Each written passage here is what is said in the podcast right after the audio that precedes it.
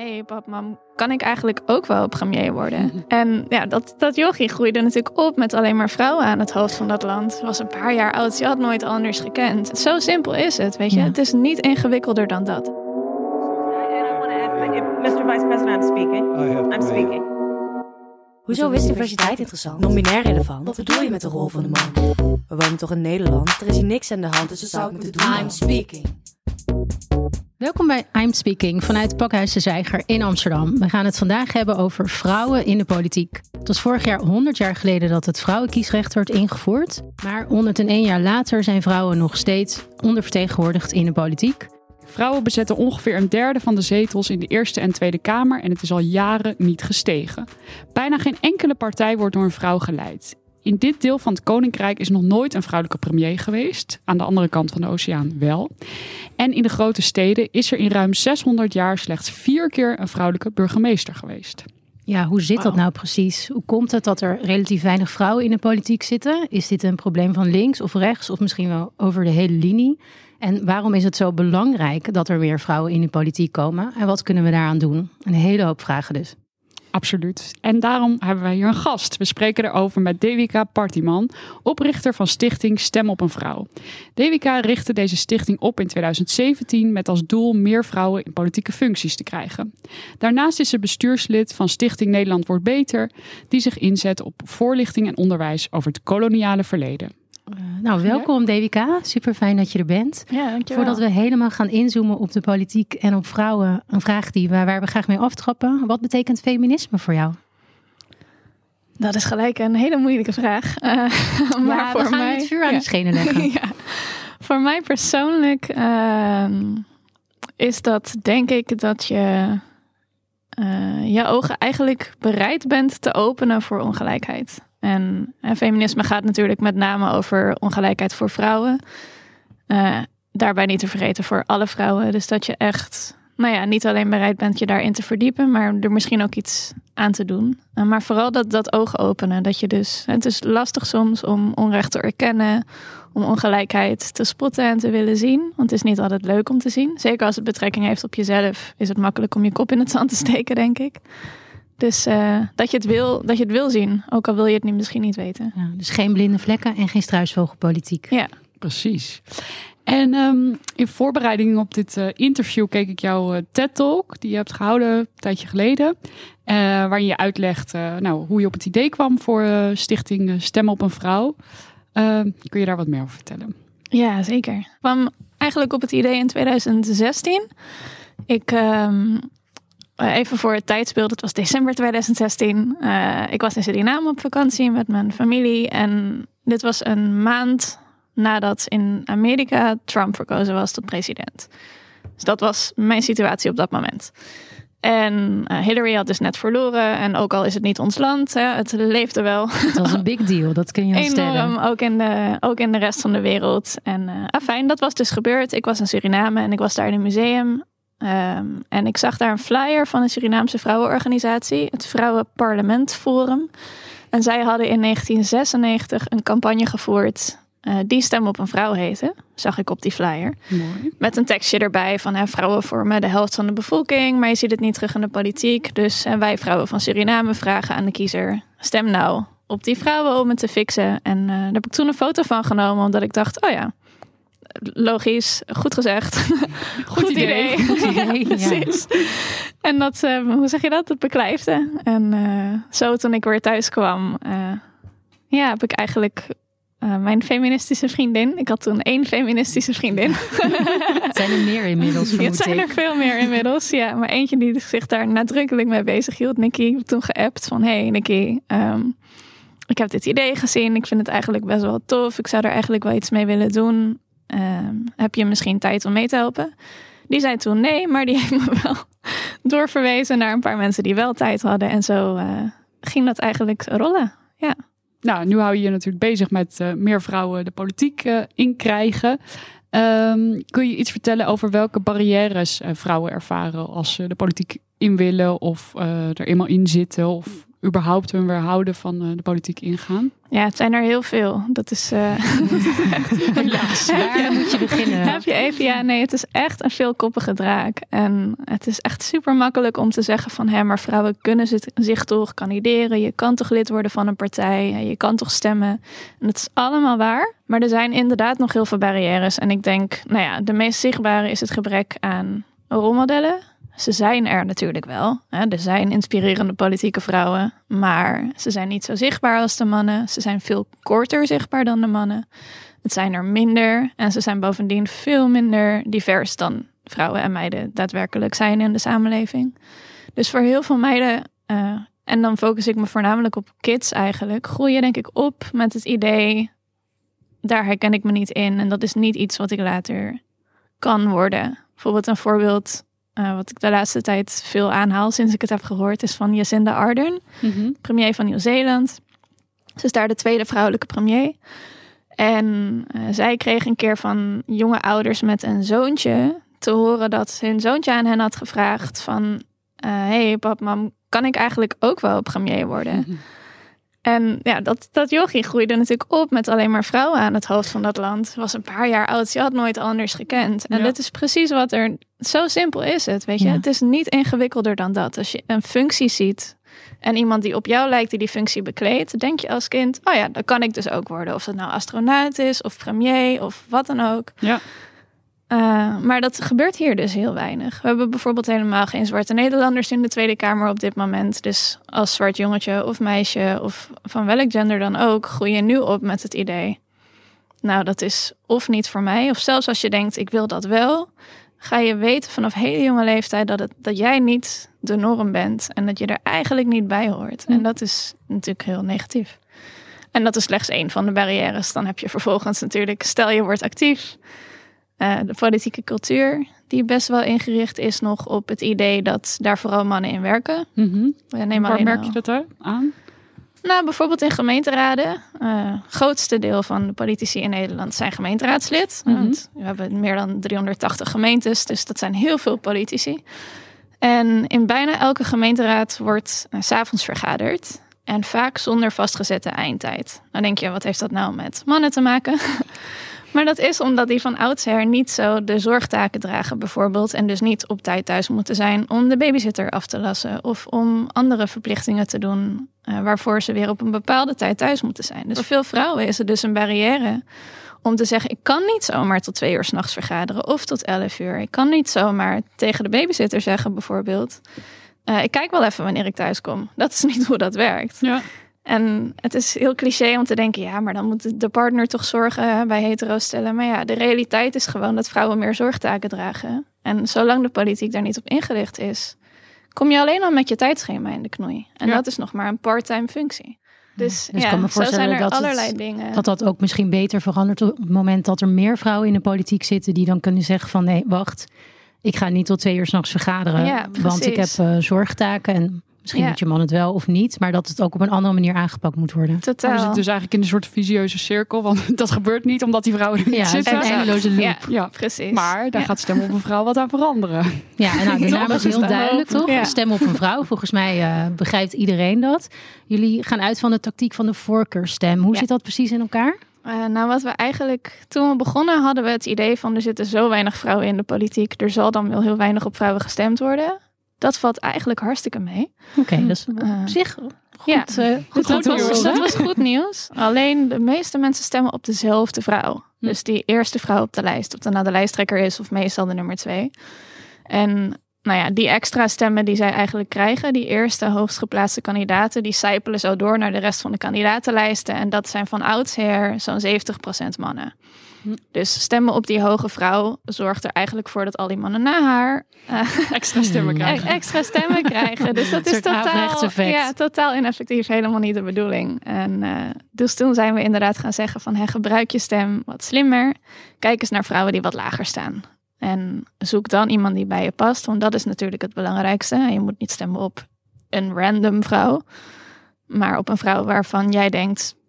Die vind ik tof, die vind, haar punten vind ik belangrijk, hier herken ik me in. En je ziet eigenlijk dat, nou ja, waar wij ook nog steeds best wel verbaasd over zijn, dat dan dus mensen die echt gaan kijken wie zijn die kandidaten, toch eigenlijk massaal op één of twee andere kandidaten op die kieslijsten gaan stemmen. Waardoor die genoeg stemmen krijgen om uh, toch verkozen te worden. Vaak ten koste van een hoger geplaatste man. Gebeurt dat te weinig, denk je? Dat mensen echt, gaan echt goed gaan kijken naar de kandidaten. Van nou, wie spreekt mij aan en op wie wil ik stemmen? Ja, veel te weinig. Dat is niet hun schuld, maar het gebeurt wel echt veel te weinig. Maar die info is gewoon heel lastig te vinden. Oké. Ja. Mooi. En dus eigenlijk op die manier krijg je vrouwen die anders niet verkozen waren, krijg je dus met voorkeurstemmen toch uh, de Kamer in ja, of de precies. gemeenteraad. En uh, heb je een paar voorbeelden? Welke vrouwen zijn er dankzij jullie uh, in de Kamer gekomen? Ja, nou ja, waar, we, waar ik het trots op ben, is de verkiezingen in 2019 voor het Europees Parlement. Ja. We hebben 23 Europarlementariërs namens Nederland in dat Europees Parlement zitten. En uh, dat was natuurlijk nog nooit uh, voor de helft vrouwen geweest. Uh, maar het zijn er echt maar, het zijn er heel weinig. 23. Dus op zich is met genoeg voorkeurstemmen die verandering naar de helft heel makkelijk te maken. Dus daar hebben we ook echt op ingezet. Het was echt een flinke campagne die we hebben gevoerd. En er zijn bij drie partijen is er uiteindelijk een extra vrouw verkozen. Wauw. Ja, dus de uitslag van de verkiezingen was dat het percentage vrouwen van iets van 25% of zo naar 46% ging. Oh, te gek. En door drie extra vrouwen. Dus Ja. dat is echt eentje bij D66, één bij GroenLinks en eentje bij de VVD. Dus ook mooi verspreid. Ja. En het extra toffe is dat toen ook nog, doordat de PvdA de eurocommissaris mocht leveren, lekker gedetailleerd dit, maar de schoof een man door naar een hogere functie. En die zetel die hij had, ging door naar een vrouw. Dus dan hadden we opeens, hup, 50%. Wauw. Oké, dus het viel ook gewoon eh, Ja, goed dus dat samen kwam als ik het zo, hoor. Dat, dat is altijd het streven natuurlijk. Dat Ja. we, we willen naar die helft. Maar Ja. dat was nog nooit gelukt eh, in zo'n groot orgaan. Dus ja, dat vind ik echt te gek. En dat zijn ook alle drie jonge vrouwen. Alle drie jonger dan de gemiddelde leeftijd in het Europees Parlement.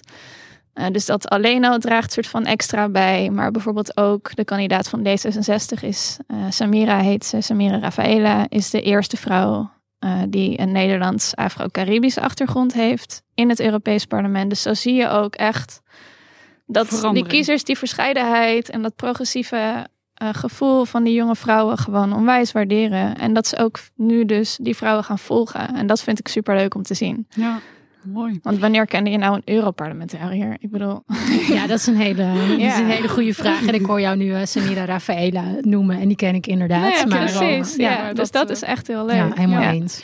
En ehm, nou ja, ik denk veel luisteraars van de podcast weten misschien wel waarom is het belangrijk dat vrouwen in de politiek zitten. Maar ehm, kun je nog eens een paar redenen noemen van waarom is die Mhm. representatie zo belangrijk? Wat voor soort ehm, punten zetten vrouwen bijvoorbeeld op de agenda die anders te weinig aandacht krijgen? Ehm, nou ja, wat je, je kan de hele droge antwoord geven gewoon vanuit onderzoek.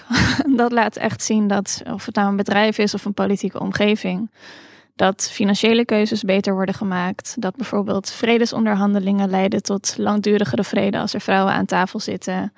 Eh, maar ook dat er meer aandacht is voor zorg, onderwijs en het klimaat als er meer vrouwen in de politiek zitten. Dus dat weten we gewoon dat dat het effect is. En dan heb je natuurlijk de rolmodellenfunctie die heel erg belangrijk is. Maar eh, op persoonlijk level denk ik ook van wat je gewoon echt ziet, zeker als er meer vrouwen de politiek inkomen, is dat het veel gewoner wordt, ook voor de politici zelf, eh, om met elkaar samen te werken, om die verbanden te smeden en om steeds meer ruimte eigenlijk te kunnen innemen, ook voor onderwerpen die vrouwen aangaan. Want als je steeds in de minderheid bent en je begint ook nog de hele tijd over vrouwenemancipatie, Mhm. dan ben je heel erg die vrouw die de hele tijd alleen maar daarover praat. Dat is natuurlijk totaal oninteressant. Dus hoe meer vrouwen, hoe meer je ook eigenlijk als vrouw de ruimte hebt om het te hebben over economie, om het te hebben over klimaat, Ja. om het te hebben over whatever you want to talk about. Je hoeft niet meer de hele tijd op te komen voor uh, duurt de Precies. vergadering tot en dan komt dat heel logisch. uur. Als het goed is, gaat dat samen uiteindelijk. Dus dan ga je en vrouwenemancipatie op de agenda kunnen zetten met z'n allen, maar ook al die andere dingen vanuit een vrouwelijk perspectief. Het moet natuurlijk ook een issue van iedereen zijn, denk ik toch, om het over emancipatie te hebben. En dat dat niet zo'n, oh daar heb je die vrouwen weer met hun vrouwen-issues. Ja, exact. Ja, wat je bij mannen al bijvoorbeeld, eh, wat ik dan toevallig weet, dat je bij sommige partijen bijvoorbeeld, nou ja, mannen die homoseksueel zijn, vaak ook afspraken maken met collega's die hetero zijn. Dat juist die collega's hen helpen in dingen agenderen. Want je wil niet de hele tijd in dat hokje van, oh je bent homo, je begint over homo dingen, weet je wel. Dat is helemaal niet, dat is voor niemand leuk. Nee, je het is kan voor niemand juist leuk heel en het is een uitpussingsslag ook, denk ik. Als je iedere keer je, nou, quote-unquote, eigen issues voor het voetlicht moet brengen. Precies. Ja. En inmiddels zijn jullie met Stem op een Vrouw ook eh, breder aan de slag, volgens mij, toch? Dus nog steeds belangrijk dat iedereen op een vrouw gaat stemmen. Laat daarover geen eh, Ja. misverstand eh, ontstaan. Maar jullie zijn meer dingen gaan doen. Kun je wat vertellen wat jullie, waar jullie nu allemaal mee bezig zijn? Ja, zeker. Ja, we kwamen eigenlijk door de. We bestaan nu bijna vier jaar. En eh, ik bedoel, we gaan nog steeds heel lekker op onze stemcampagnes, inderdaad. het blijft denk ik wel enorm heel leuk belangrijk. En het werkt en het is echt heel tof. Maar we zijn ook gaan zien van het. De kern van het probleem is natuurlijk dat er te weinig meiden en vrouwen die politiek ingaan. Om Mhm. daadwerkelijk die verandering voor elkaar te krijgen. En eh, ja, we zijn eigenlijk veel meer gaan kijken wat kunnen we nou doen om hen te helpen. En daarbij echt te zorgen dat het zoveel mogelijk verschillende vrouwen bereikt. Dus niet alleen hè, de hoogopgeleide vrouw die er toch wel komt. Is dat moeilijk om dat bredere bereik te realiseren? super moeilijk? Het is ook, we zijn er zeker nog niet eh, eh, helemaal in geslaagd of zo. Maar ik Nee. denk wel dat we inmiddels steeds meer meiden en vrouwen bereiken die echt nog niet de stap naar een politieke partij maken. En hoe doen jullie dat bijvoorbeeld? Ja, eigenlijk wat we doen is ons heel erg richten op eh, mensen die twijfelen. Hm. Wat je bij eh, politieke partijen ziet, is dat je je sluit je er pas bij aan op het moment dat je weet, ik wil daar lid worden. Oftewel, ik wil politiek betrokken worden. Ja. En dat is echt een hele kleine groep in Nederland die dat wil. Ja. En wat wij proberen te doen is juist zeggen, hey, ben je maatschappelijk betrokken? Ehm, vind je politiek misschien interessant, misschien ook wel niet. Maar hè, wil je iets betekenen en wil je kijken of politiek misschien iets voor je is? Hier aan tafel kan je misschien nog wel wat mensen gratis. Ja, Sofie zit heel druk naar mij te wijzen. maar wat je ja. eigenlijk zegt, Devika, is bij twijfel wel doen, Bij twijfel ik. verkennen, dat is wat ik Ja. zeg. Ja. En, eh, Verkennen, dat is, daar voel ik me al wat prettiger Ja, bij. Dat is goed. Nee, maar dat is het echt. Het is niet bij twijfel ga het alsnog doen, maar je moet het wel verkennen. En twijfel wordt echt te vaak een nee. Zonder dat mensen gaan verkennen. En Ja. dat vinden we zo jammer. Dus we geven nu eigenlijk bijvoorbeeld maandelijks eh, gratis online trainingen. Eh, soms op eh, hele specifieke skills, zoals debatteren, maar soms ook gewoon introductie in wat is politiek, Hm. hoe werkt het in de gemeente. En we hebben een mentorprogramma sinds dit, dit kalenderjaar 2020, waarin we aspiranten en twijfelaars koppelen aan vrouwen die al politiek actief zijn of zijn geweest. En eh, dan zoeken we echt, we maken handmatig matches echt tussen mensen die in dezelfde regio wonen, wiens ambitie bij elkaar past, misschien elkaars achtergrond. Nou, dan matchen we je aan iemand en dat wordt dan jouw mentor. En eh, dan kan je met diegene verder uitzoeken wat je vragen zijn, wat je twijfels zijn. Maar het is denk ik ook belangrijk toch om van dichtbij te kunnen zien wat het dan eigenlijk inhoudt als je echt politiek actief wordt. Klopt, ja. En wat we echt zien, kijk, mensen stappen gewoon liever niet in een sector zomaar waarvan je niet weet wat je kan verwachten. Mhm. En voor vrouwen, ik denk dat het toch vaker geldt dan voor mannen, dat we niemand kennen die politiek actief is. Dus je hebt die kennis niet zo paraat in je omgeving. Dus als Ja. je dan iemand hebt die het jou kan uitleggen, eh, dan is het gewoon, dan helpt het volgens mij enorm om je vragen te kunnen stellen en hè, niet gelijk die verplichting ook te hebben van ik moet bij een partij en dan moet ik me binden aan Ja. dat gedachtegoed. En dat, dat hoeft natuurlijk helemaal niet. En dat is dan dus ook voor aspirant eh, of eh, twijfelaars. Dat is dus ook voor mensen die nog niet per se bij een politieke partij zitten of nog niet eens weten welke ja. partij. En zelfs als de uitkomst is dat je een half jaar mentor hebt en dat je daarna zegt, weet je wat, het is niks voor mij. Ja. Prima. Ja. Ja, prima. Dat is ook oké. En Devika nog even kort, want eh, het is nu natuurlijk ook best wel politiek een spannende tijd. Wij gaan Ja. straks zelf eh, stemmen nadat we volgens mij allemaal non-stop naar de VS hebben gekeken de afgelopen Mhm. weken. Eh, hoe zie jij het voor je? Waar hoop je eigenlijk op?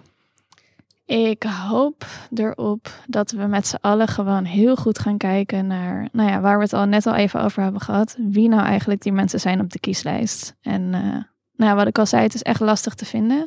We hebben niet in Nederland bijvoorbeeld gewoon www.verkiezingen.nl, waar je gewoon alle partijen kan vinden en alle kandidaten. Is er niet. Ik vind het absurd dat het er niet is, maar goed. Ideetje? Ja, echt hoor. Ja. En dan nog een businessplan. hebben- ja. nee, serieus. Iemand moet dit echt gaan doen. Ja, om het gewoon echt heel centraal, Eigenlijk soort van één hub waar je al die info vindt. Ja, de overheid zou dit natuurlijk eigenlijk moeten doen. Maar Ja. goed, biedt dit niet om de een of andere reden. Eh, dus we hebben zelf nu een stemhulp ontwikkeld. Die kan je straks ook checken als je gaat stemmen. Het is gewoon stemopeenvrouw.com of .nl, werkt allebei. En eh, dan kan je naar de stemhulp. En daar vind je dan een overzicht van alle partijen, alle verkiezingsprogramma's en alle kandidaten. En dan kan je op die kandidaten doorklikken. Om ze te leren kennen. Dus ik hoop eigenlijk vooral dat mensen dat gaan doen. weet je, ook als je denkt van ja, fuck de politiek, ik heb geen vertrouwen in verkiezingen, ik heb niet het gevoel dat mijn stem uitmaakt. Weet je, ga alsnog gewoon, kijk even voorbij die partijen en ga gewoon op zoek naar een persoon. Veel interessanter dan dat je denkt, ik wil me 100% kunnen vinden in het GroenLinks of het VVD-programma. Want het gaat niet gebeuren. Nee. Dus kijk echt naar die kandidaten. Ja. En ik hoop echt dat mensen dat meer in hun systeem gaan krijgen. Ja. Dus kijk goed naar wie denk je dat jou goed kan vertegenwoordigen. Ja, want dan kan je diegene na de verkiezingen ook. Weet je, dan heb je actief gekozen. En als diegene dan verkozen is, dan denk je misschien, hoop ik ook, oh, dan kan ik diegene gaan volgen. En als ze dan iets doen waarvan ik denk, hé, maar wacht eens even. Dan kan je diegene natuurlijk er ook op gaan aanspreken. Dus als ik jou zo hoor, moeten we volgens mij ons goed informeren. En vooral dus ook echt mee gaan doen. Dus als Ja. je op iemand hebt gestemd, die persoon goed blijven volgen. En Ja. eh, niet aarzelen om je stem te laten horen. Ja, en het is, ik bedoel, van elk Tweede Kamerlid staat het e-mailadres op het internet. dus dat kan gewoon. Ja. ja, maak daar gebruik van. Oké. Nou, wijze woorden, dat gaan we doen. Denk Actiever worden in de democratie. en misschien nog tot slot, we hebben natuurlijk al best wat acties besproken. Maar ehm, wat eh, naast het eh, stemmen op een vrouw, wat ik hoop dat iedereen gaat doen nadat ze hier naar hebben geluisterd. En niet per se de hoogste vrouw, maar de vrouw die net niet in de Kamer zou komen. Of de gemeenteraad of het Europarlement. Wat eh, kunnen onze luisteraars nog meer doen om vrouwen in de politiek te krijgen? Ehm, ik denk gewoon in je eigen omgeving heel goed je ogen open houden. Als je kids hebt, neefjes of nichtjes, buurtkinderen. Ehm, weet je, doe je best om het gewoon eens met ze over politiek te hebben. Oké. En dat hoeft echt niet gelijk op een hoog niveau, maar eh, ja, maak het een gespreksonderwerp. Zorg dat ook meisjes eh, weten van dat is iets waar jij over mag meepraten. En ook, ik ben hè, veel, bij veel meisjes, zeker bij jonge kinderen, zijn volwassenen geneigd om te praten over wat een leuke jurk heb je aan. Ja. Vraag eens een keer, wat ben je aan het lezen? Wat vind je interessant? Goh, wat vind je eigenlijk van het klimaat? Weet ik het wat? Of eh, hoe vind je eigenlijk je wijk? Zorg dat meisjes leren dat ze kunnen meepraten over hun omgeving. Mooi. Ja. Heel goed advies. Toch? Ja, absoluut. Devika, ontzettend bedankt voor het interessante gesprek. ja, super fijn dat je hier kon zijn met ons ja, vandaag. leuk om te doen. Dankjewel. Dankjewel. Call to. Voor onze call to action spreken we met een gast uit de politiek, Sophie Heesen. Sophie is al sinds haar 18e gemeenteraadslid in Gouda voor de Partij voor de Arbeid. Welkom Sophie. Fijn dat je hier bent vandaag. Ja, ik vond het eh, een, een leuke reis ook naar Amsterdam. Dus eh, ja, ik vind het ook leuk om hier eh, nou, namens, eh, denk ik, een grote groep jongeren, maar ook een grote groep vrouwen, eh, toch ja, een bijdrage te kunnen leveren. Ja, mooi. Want je bent eigenlijk misschien op twee manieren eh, wel een uitzondering in de politiek als vrouw en als jong persoon. Ehm, hoe heb je dat aangepakt? Dat je nu al een aantal jaar in de gemeenteraad zit. Ik denk dat, dat je daarin ook een stap terug moet van waar, waar komt die motivatie vandaan. Ja. Ehm, en dat begon eigenlijk toen mijn ouders gingen scheiden. Dat was in, toen ik 16 was, 17 ongeveer, speelde dat thuis. En toen kwam ik erachter van, nou ja, mijn moeder ging dan voor ons zorgen. Mijn vader die eh, ging dan ergens anders wonen. En toen kwam ik erachter wat het betekent als je ineens eh, opgegroeid wordt door een alleenstaande moeder. Eh, wij zijn toen elk, moesten elke donderdag naar de voedselbank. Eh, ik heb ook echt van dichtbij meegemaakt dat. eh, nou, mijn ouders waren sowieso altijd heel ondernemend, hadden ook een onderneming samen. Maar ja, als het allemaal wegvalt, dat er gewoon geen sociaal vangnet is.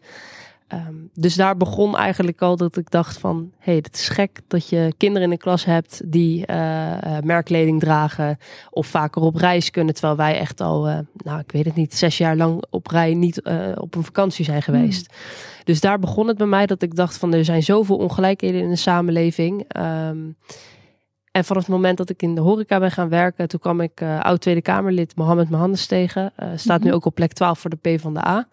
Heel gaaf, is eh, ook eh, gisteren gebleken. Ehm, en hij heeft me eigenlijk 2,5 jaar laten zien dat je van helemaal niks of dat vanuit heel veel onzekerheid. Want ik denk dat als je in armoede bent opgegroeid voor een klein deel, dat je dat dan altijd bij je draagt. Ehm, dat je toch iets waar kan maken. Dat je echt concrete eh, plannen in de politiek kan verwezenlijken. Ehm, en toen ik hem dus sprak in de horeca, ik was ook gewoon letterlijk aan het werk. Ja. Ik vind het leuk om met, met mensen in gesprek te gaan. Ehm, toen heeft hij eigenlijk gezegd, word nou gewoon lid en, en sluit je aan bij ons. Hm. Eh, kom een keer kijken bij de fractie, kom een keer kijken bij de gemeenteraad en kijk wat je ervan vindt.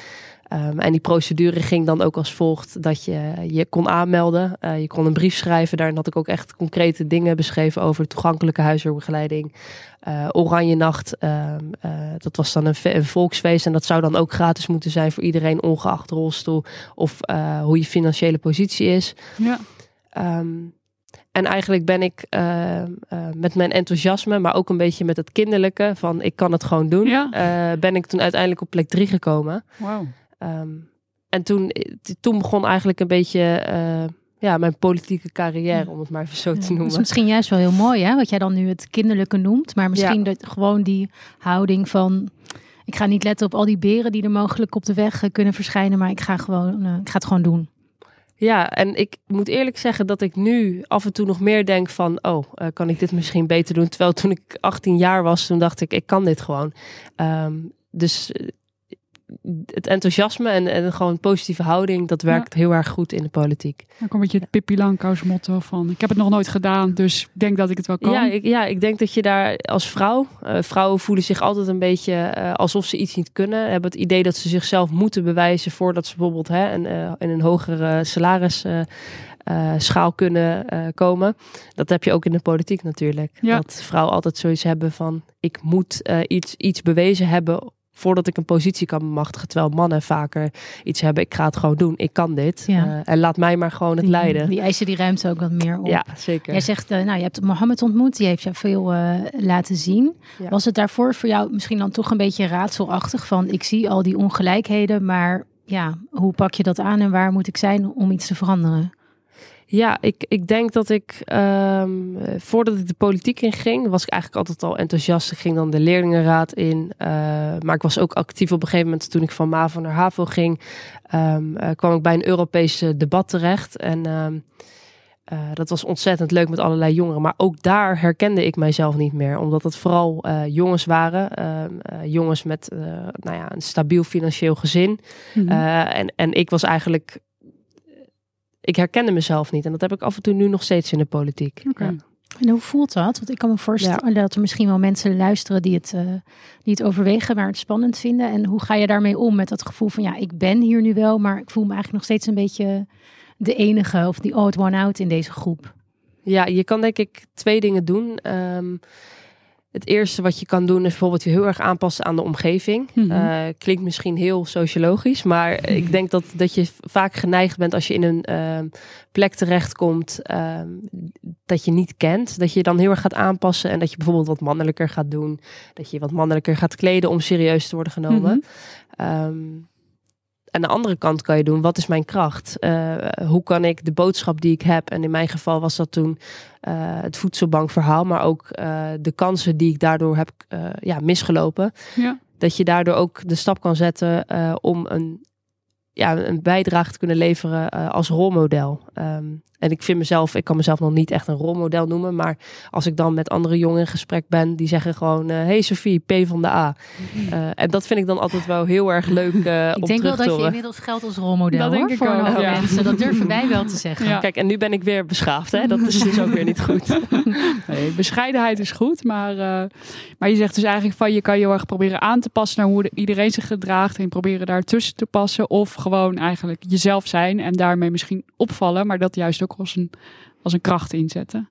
Ja, en daar komt denk ik uh, ook een strijd met jezelf, uh, denk ik, terecht. Omdat je toch je zelfvertrouwen moet opbouwen. Mm -hmm. uh, en als je wat onzekerder bent, dan kun je uh, heel erg ja, gaan gedragen als een grijze muis of iemand die niet opvalt. Terwijl je juist ook kunt bedenken van... hé, hey, hoe kan ik mijn bijdrage zo uh, uh, leveren dat ik opval... en dat ik precies uh, de thema's die belangrijk zijn voor je achterban...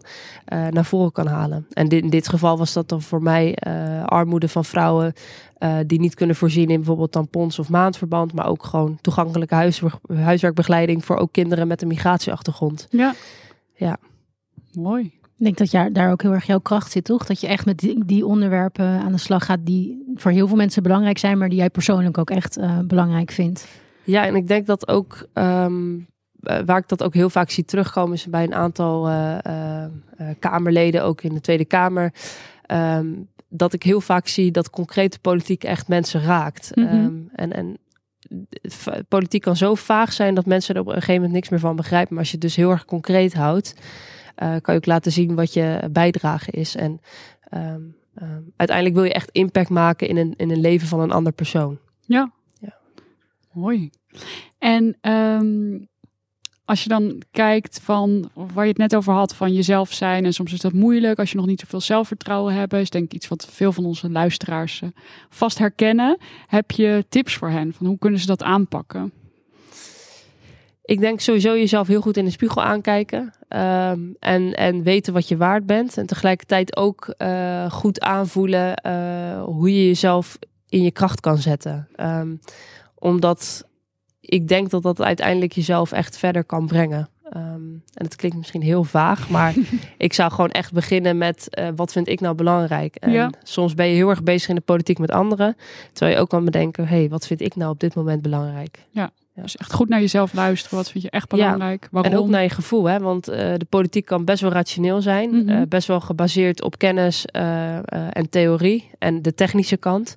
Terwijl we soms ook vergeten dat het, em- het empathische gedeelte en ook richting jezelf ook iets ja, heel belangrijks is, denk ik.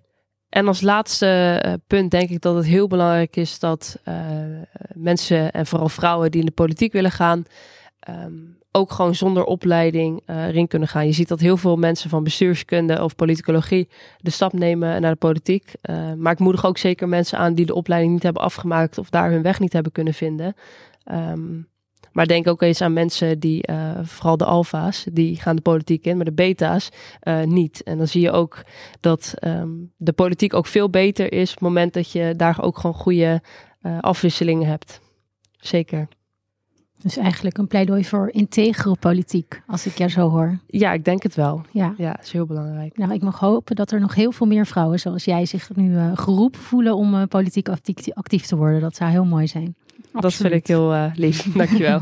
Nou, jij hartstikke bedankt dat je hier wilde zijn en dat je met ons wilde praten. Bedankt voor het luisteren naar I'm Speaking. In deze aflevering spraken we met Devika Partiman van Stem op een Vrouw en Sofie Hezen van de Partij van de Arbeid in Gouda over vrouwen in de politiek. Abonneer op ons via je favoriete podcast-app en laat een recensie met wat sterretjes achter.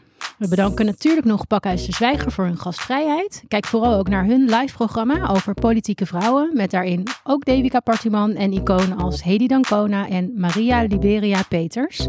We bedanken Was voor het maken van de muziek. En Mout Hekman voor de fantastische productie. Yes! En graag tot de volgende aflevering. En dan gaan we het hebben over dakloze vrouwen. Tot dan!